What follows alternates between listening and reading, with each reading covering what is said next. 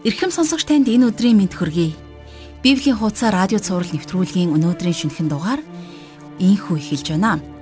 Бид өмнөх хичээлээр Нехемия номноос дөрөвдүгээр бүлэг хүртэл үтсэн байгаа.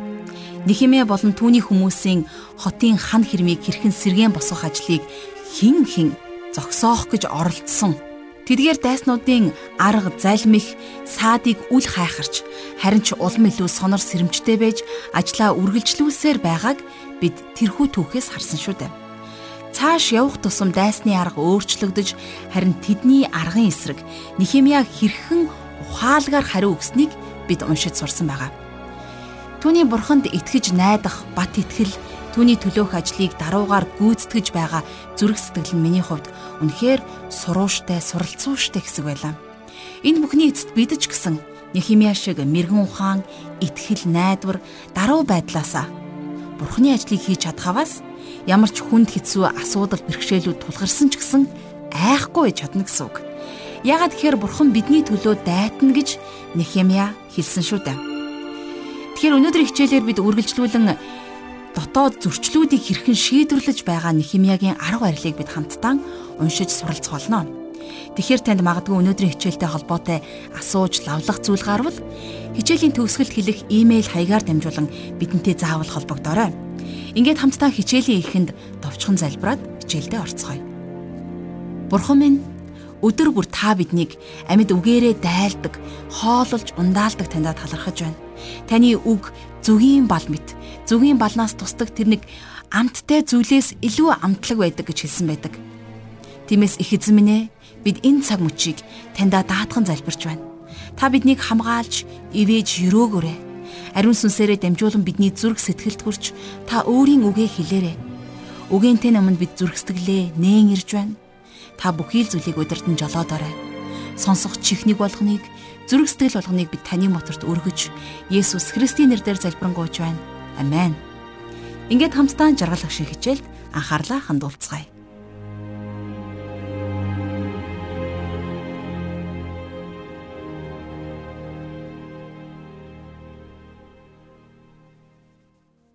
За Иерусалимийн хан хэрмийг сэргээн барих энэхүү хүнд хүчээр төслийг эхлүүлснээс хойш Нехимия маш олон саад бэрхшээлтэй тулгардаг.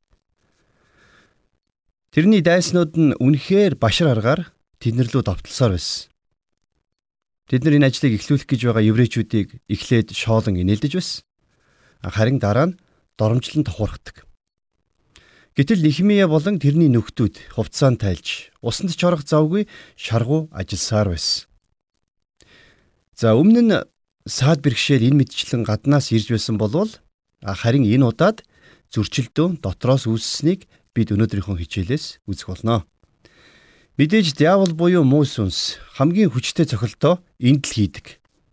За ингээд жохом яг ямар зөрчил гарсныг хамтдаа өнөөдөр Нихимэ номынхон 5 дугаар бүлгээс хамтдаа судалцгаая. За 1-ээс 4 дугаар ишлэлийг би уншийе. Хүмүүс болон тэдний эхнэрүүдийн дунд Юудэ ах дүүсийнхээ эсрэг бөөн эсэргүүцэл гарав. Учир нь Бид хийгээд бидний хөвгүүд охид олон байна. Тиймээс бид өөрсдийгөө тижээж амьдрахын тулд үр тариа олж авцгаахыг бидэнд зөвшөөр гэж хэлэгсэд энд байлаа. Мөн үлсгэлэнгөөс болж бид үр тариа олж авахын тулд тариан талбайгаа усан үзмийн төглүүдээ байшингуудаа барьцаалж байна гэж хэлэх хүмүүс ч байв. Мөн ийн хэлэгсэд ч байв. Бидний тариан талбай усан үзмийн төглүүдэд оноох хааны татварыг төлөхийн тулд бид мөнгө зээлсэн. За хүн гэдэг бадгаал бол хизээч өөрчлөгддөггүй. Өнөөдөр бид нар техник технологийн өсрөнгөө хөгжлийн үед амьдарч байгаа ч гэсэн бидний өмнө тулгарч байгаа асуудал бол бүр Нихмягийн үед байсантай яг л адилхан байна. Еврейчүүд хан хэрэн босгох гээд хувийн амьдралаа бараг хойш нь тавьсан. А гэтэл тэд нар үр тариа худалдан авч ар гэрээ тижих хэрэгтэй байдаг. Үр зээлэж төлөх хэрэгтэй. Татвар маш өндөр байсан учраас зарим нь татвараа төлөхийн тулд өмч хөрөнгөө хүртэл барьцаалсан байна.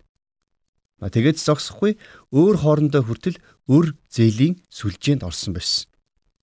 За тийм учраас тэд нэр ингэж ярьсан байна. Цааш нь 5 дугаар ишлэлийг харъя. Бидний махан бие бидний ах トゥ нарын махан биетэй адил. Бидний хүүхдүүд тэдний хүүхдүүдтэй адил билээ. Гисэн ч харцгаа. Бид хөвгүүд өгтөө боол болгохоор хүчилж манай охтын зарим нь аль хэдийн боолчлогдож байгаа. Бид яаж чадахгүй вэ? Учир нь бидний тариан талбай усан үзмийн төглүүд бусдынх болжээ. За эндээс харах юм бол энэ асуудал яваанда даймжирсаар бүр хүндэрсэн байна. Гэтэл Нехимия энэ тухай огт мдээгүй байсан. Яагаад үг гэхээр хүмүүс идэлэн газраа нууцаар чимээгүйхнэр барьцаанд тавьсан байсан. Тэгэхэр вэ штэ. Хайр ив нэгдэл байсан цагт дайсан гаднаас юу ч хийж чадахгүй. А гэтэл харин одоо тэдний тунд зөрчил үүсэж эхэлсэн байна. Өөрөөр хэлэх юм бол хөрөнгө мөнгөтэй холбоотой асуудал хаа газар зөрчлийг дагуулж үүдэг. Заримдаа сүм чуулгануудад мөнгөний асуудал үүсдэг. Яг л ийм аргаар диавол итгэгчдийн дунд орж ирээд үүмэн самун тарьдаг. Тийм учраас Нехимия энэ асуудалтай яг нүүр тулах хэрэгтэй болж байна. За өнөө үед болвол бизнест хүү тооцох гэдэг байдгал зүйл. Харин бурхан Израилийн хүүхдүүдийг ийм зүйл хийхийг анханасаа зөвшөөрөг байсан. Бурхан тэднийг ах トゥ угээс ашиг хүү тооцож авахыг хизээч зөвшөөрөг. За яг энэ өдрийг хүртэл тайван тогтун байсан Нехимия энэхүү үйл явдлыг сонсоод маш их уралсан байна. Хамтдаа 6 дугаар ишлэгийг харъя. Тэгээд би тэдний эсэргүүцлийг болон эдгээр үгсийг сонсоод ихэд уурлав. За тэр зүгээрчнийг уурлаагүй бүр маш ихээр ууралсан байна. За 7 дугаар ишлэл дээр тэгээд би өөртөө зөвшөөд сурвалжтнууд ба захирагчдыг зэмлэн тэдэнд Та нар бүгд өөрсдийнхөө ах トゥ угээс мөнгө хүлхийг шаардж байна гэв. Тэгээд би тэдний эсрэг их чуулганыг цуглууллаа. За энд өөртөөгөө зөвшөөд гэж гарч байгаа биз. За энэ нь тэр дотроо нэг зүйлийг шийдсэн байсан гэсэн үг. Тухайн нөхцөл байдлыг нарийн тунгаасныхаа эцэст Нихимия дүгнэлт гаргасан. За тэгээд хурсан олны өмнө тэрээр ингэж хэлсэн байна. За 8 дугаар ишлэгийг харъя. Би тэдэнд Бид үндэстнүүдэд худалдагдсан юудэ ах дүүсээ өөрсдийн чадах чинээгээр чөлөөлсөн билээ. Одоо бидэнд худалдагдахын тулд та нар ах дүүсээ худалдах гэж юу гэсэнд тэд чимээгүй болж хэлэх үгээч олж чадсангүй. За Нихимээ олон түмнийг цуглуулад тэгээд сурвалжтан захирагч нарыг хийсэн зүйлийн төлөө тэднийг зэмлсэн байна. Ингиж хамт олонных нь өмнө тэдний үйлдэлийг илчлэн зэмлсэн. За энэ бол мэдээжээр зүй зохистой шудраг алхам. Та бид нар ч гэсэн өнөөдөр диаволын үйлдэл халдлагыг байнга илчилж байх ёстой. Тэгэхэр Нихми ах トゥ нарынхаа далд байсан хэргийг инхүү ил болгон гаргасан. Хүмүүс магадгүй таныг ууралж болохгүй уурлах бол гим нүгэл гэж хэлж байсан үе танд тохиолдож л байсан баг. За энэ тухай Паул ууралсан ч нүгэл бүү үйлд гэж өөрийнхөө загтал бичсэн байдаг. Тэгэхээр энэ дээр ууралж болохгүй гэж хэлээгүй байна. Яагаад гэвэл уурлах нь тухайн нөхцөл байдлаас шалтгаална. Та өөрийн хувийн жаргалын төлөө ууралж байгаа бол мэдээж буруу. Харин бурхны ажлын төлөө, бурхны яруу алдар, түүний нэр хүнд унсны төлөө бол та уурлаж болно. Гэхдээ ингэж уурлаад та гим нүгэл үлдэж болохгүй. Мэдээж тэр энэ явдал таатай хандаагүй. Хүлийн зөвшөөрч бас идэхгүй хандаагүй. Нэхмээ шууд л буруу зүйлийг ил гаргаж ярьсан. За бас дээрээс нь зэмлсэн байна. За тэгэхээр өнөөдрийн та биднэрт ч гэсэн бас чуулганд хэрвээ буруу зүйл харагдах юм бол шудраг уур төрөх ёстой. Буруу гүйлдэгчдийг эрхлүүлж, гим нүглийнх нь өмнөөс нүдээ тасаанаад явж болохгүй. За за хүмүүс түүг удаад яах юм бэ гэж маш олон хүмүүс хэлдэг. Гэхдээ Бурхны нүдэнд энэ бол төвөг утсан явдал биш.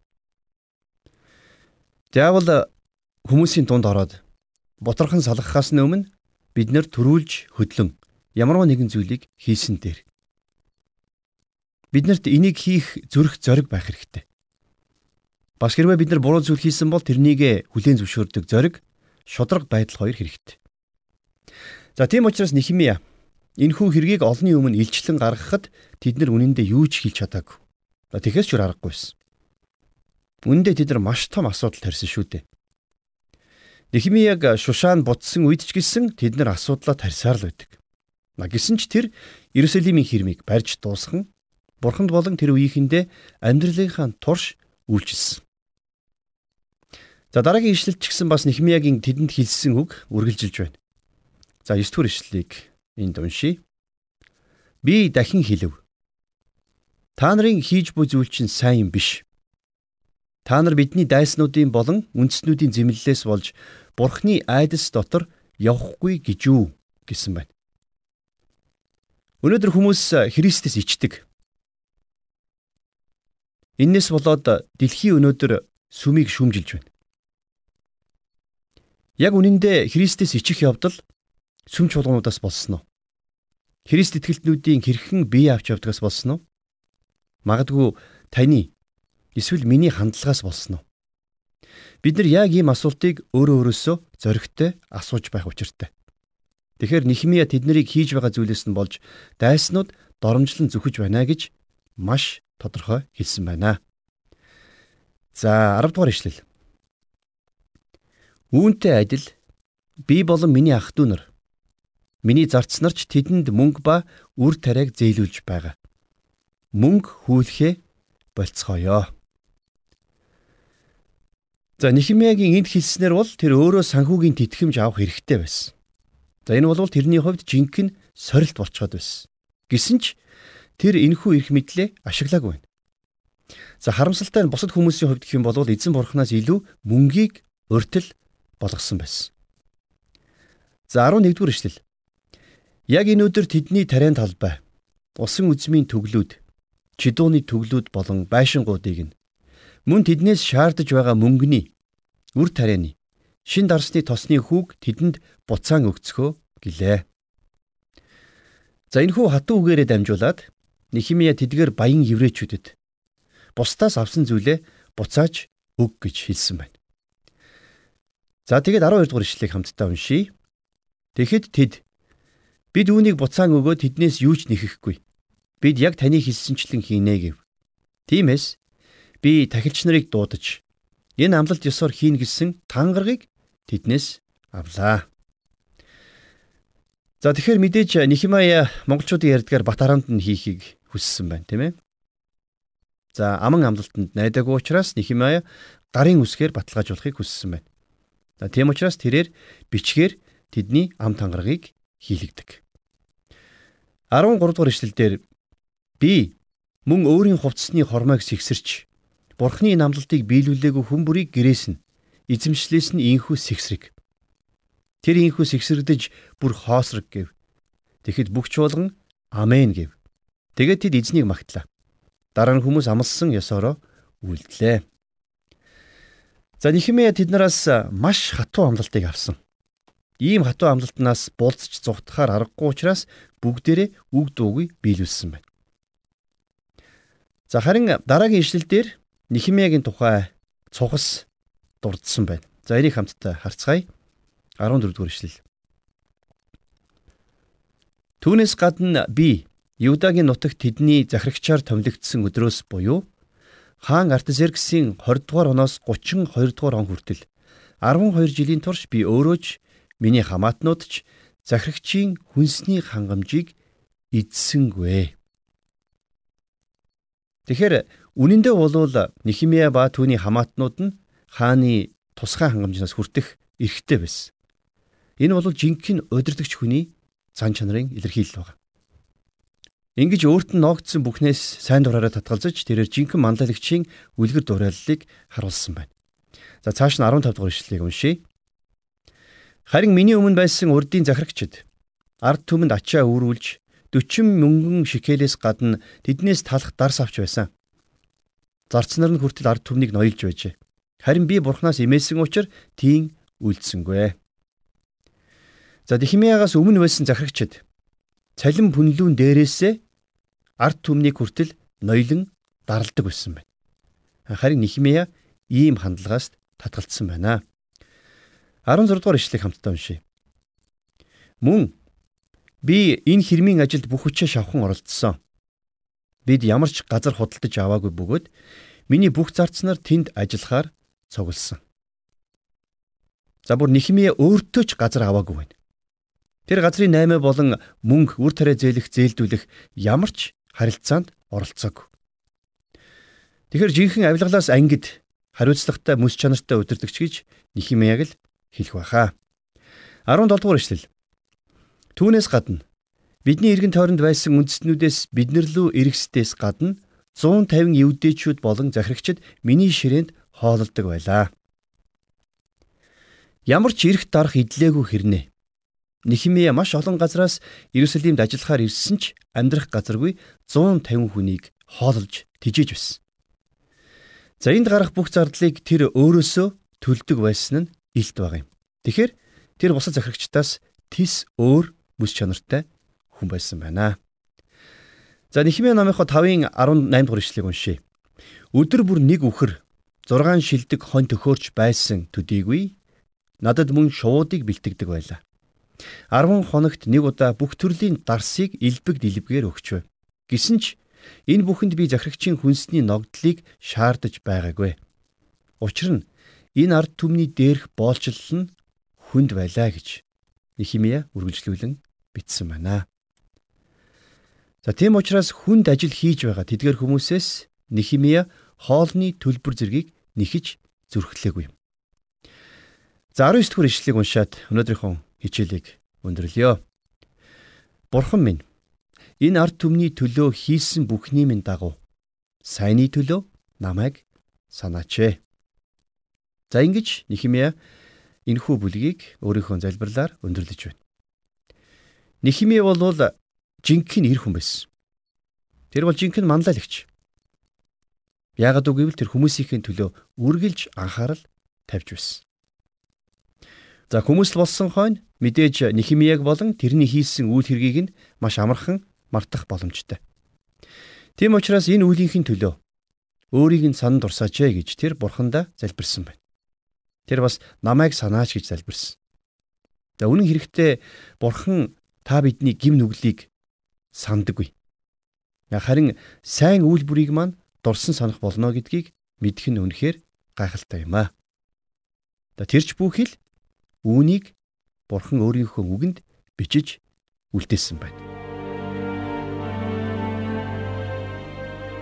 Тэгэхээр өнөөдрийн хичээлд гарч байгаа Нихимиягийн үйл хэрэг ухаалаг шийдвэрүүдээс бид Бурханы өмнө итгэмжтэй шудраг байхыг сурч авлаа.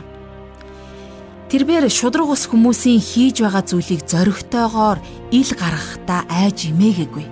Харин Нехемия бурхнаас имээдэг байсан учраас өөрийн эрх мэдлээрээ ард түмнээ дарамтлан зовоогоогүй. Хан хэрмийг сэргэн босгоход дайснаас ирэх бүхий л төрлийн саад бэрхшээлүүдтэй нүүр тулж байна. Харин энэ удаа тэд дайсны биш харин дотооддоо үүссэн зөрчилтэй нүүр тулхаасуур аргагүй болж байна. Энэ асуудлаа шийдвэрлэхгүй бол Ерүсалимийн ханан хэрмийг сэргэн босгох тэр том ажил зогсох аюул нөөрлөж байсан.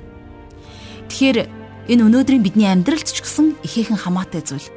Альва ажил үйлсэд гаднаас ирэх дарамт шахалт а эсвэл саад бэрхшээлийг давж чадах ч гэсэн харин хамт олон дотооддоо байгаа ямар нэгэн зөрчил тэмцлийг бид үл оошоож өнгөрөөж болохгүй юм гэдэг маш том сануулга өгч байна. Энэ бол мэдээж дайсны өгөөшл болох үр дагавартай шүү дээ. Тиймээс энэ түүх өнөөдөр сүм чуулган болоод байгууллага хамт олонд төдийгүй хувь хүний итгэлийн амьдралд ч гэсэн маш ач холбогдолтой хичээл боллоо. Тиймээс бидэнд зөвгийн бал мэт амттай үнэн шудраг үгээ өгдөг Бурхан эзэндээ талархан залбираад өнөөдрийн хичээлээ өндөрлөе. Эзэн Бурхан минь өнөөдрийн хичээлийн төлөө таньда талархан залбирч байна. Сүм чуулган хамт олон дотор минь таны нэрийг унгаж мэдэх ямар нэгэн сул дорой зүйлсүүд байгаа бол эзэн ямар нэгэн хорон муугийн арга залмих байгаа бол та бидэнд илчилж харуулж өгөөрэй. Тэгээд түүнийгээ шийдвэрлэх арга ухааныг та бидэнд дүүргэж өгөөрэй. Их эзэн минь энэ бүхний эцэст бидний зөв сонголт бидний үр жимсээр дамжуулан таны нэр алдарш болтугай. Тэгээд их ээ даруугаар таны ажлын төлөө ажиллах тэр эр зоргийг, мэрэгэн ухааныг, шудраг байдлыг та бидний дотор дүүргэж өгөөрэй. Их эзэн минь танд талархаж байна. Бидний дорой бурай амьдрал бидний хархан богино амь амьдралын хугацаа он жилүүдийн туршид зөвхөн таны нэр алдаршигдаж таны хаанчлал тэнгэрч шигэ газарт биелэх болтугай. бүх зүйлийг танд өргөж Есүс Христийн нэрээр залбирanгуйч байна. Амен.